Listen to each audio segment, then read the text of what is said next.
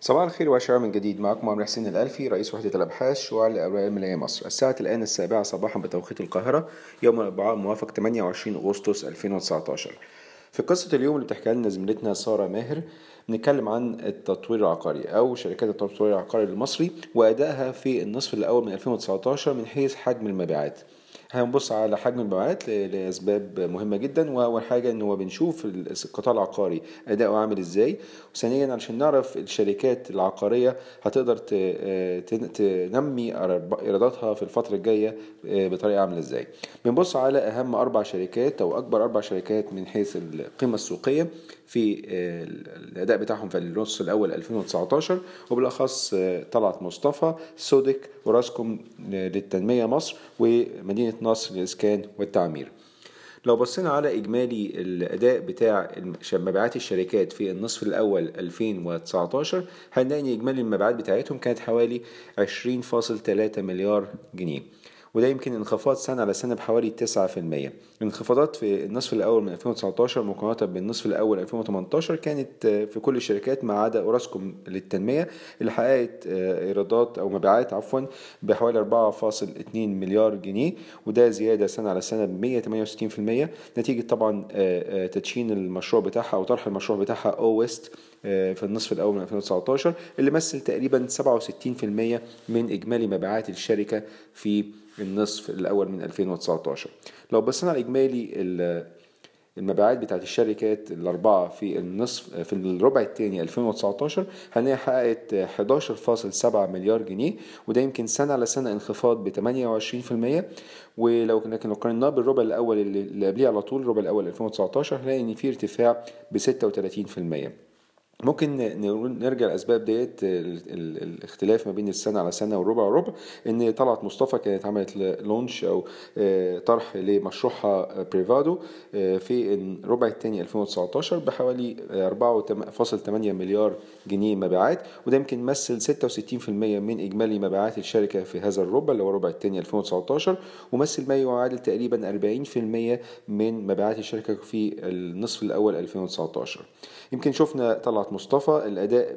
سنة على سنة يمكن في الربع الثاني كان منخفض ب 44% في الربع في النصف الأول منخفض ب 26% وده يمكن علشان طرح مشروع Celia العام الماضي كان بمبالغ كبيرة قوي لدرجة إن إحنا بنقارن سنة على سنة بنلاقي فيه انخفاض كبير في المبيعات.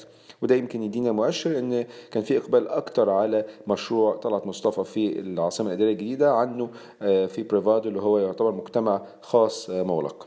في مدينة في مدينة مدينتي. بنتكلم على الشركة التانية أوراسكوم للتنمية مصر. هنلاقي إن طبعا مشروع أويست يمكن هي عاملة أفضل أداء في الأربع شركات. معدلات نمو في أي وجه مقارنة بتبص عليه.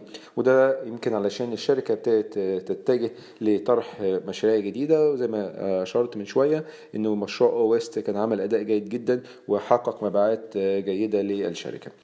بالنسبة لسودك يمكن حققت أداء جيد بصفة عامة. بنتكلم إنها مشاريع الجديده اللي طرحتها كان Allegria Residence V Residences و EDNC في القاهرة الجديدة.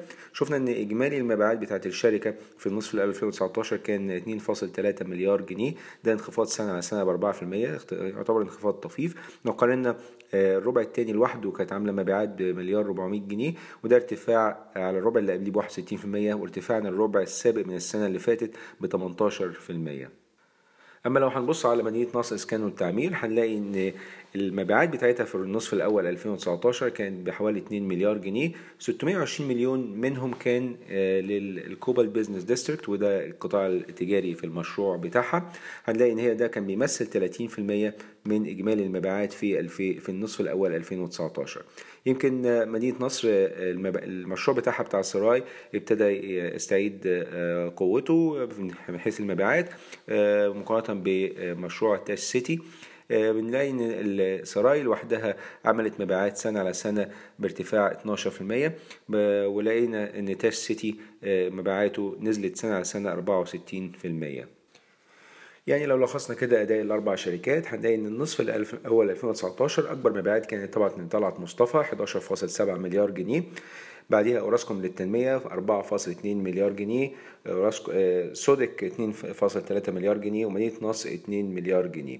ده يدينا إجمالي مبيعات في النصف الأول 20 مليار جنيه انخفاض سنة على سنة ب 9% لكن لو بصينا على الربع الثاني هنلاقي نفس الترتيب برضو ولكن الإجمالي كان 11.7 مليار جنيه انخفاض سنة على سنة ب 28% تفاصيل أكتر موجودة في التقرير بتاعنا. شكرا لكم والسلام عليكم ورحمة الله وبركاته.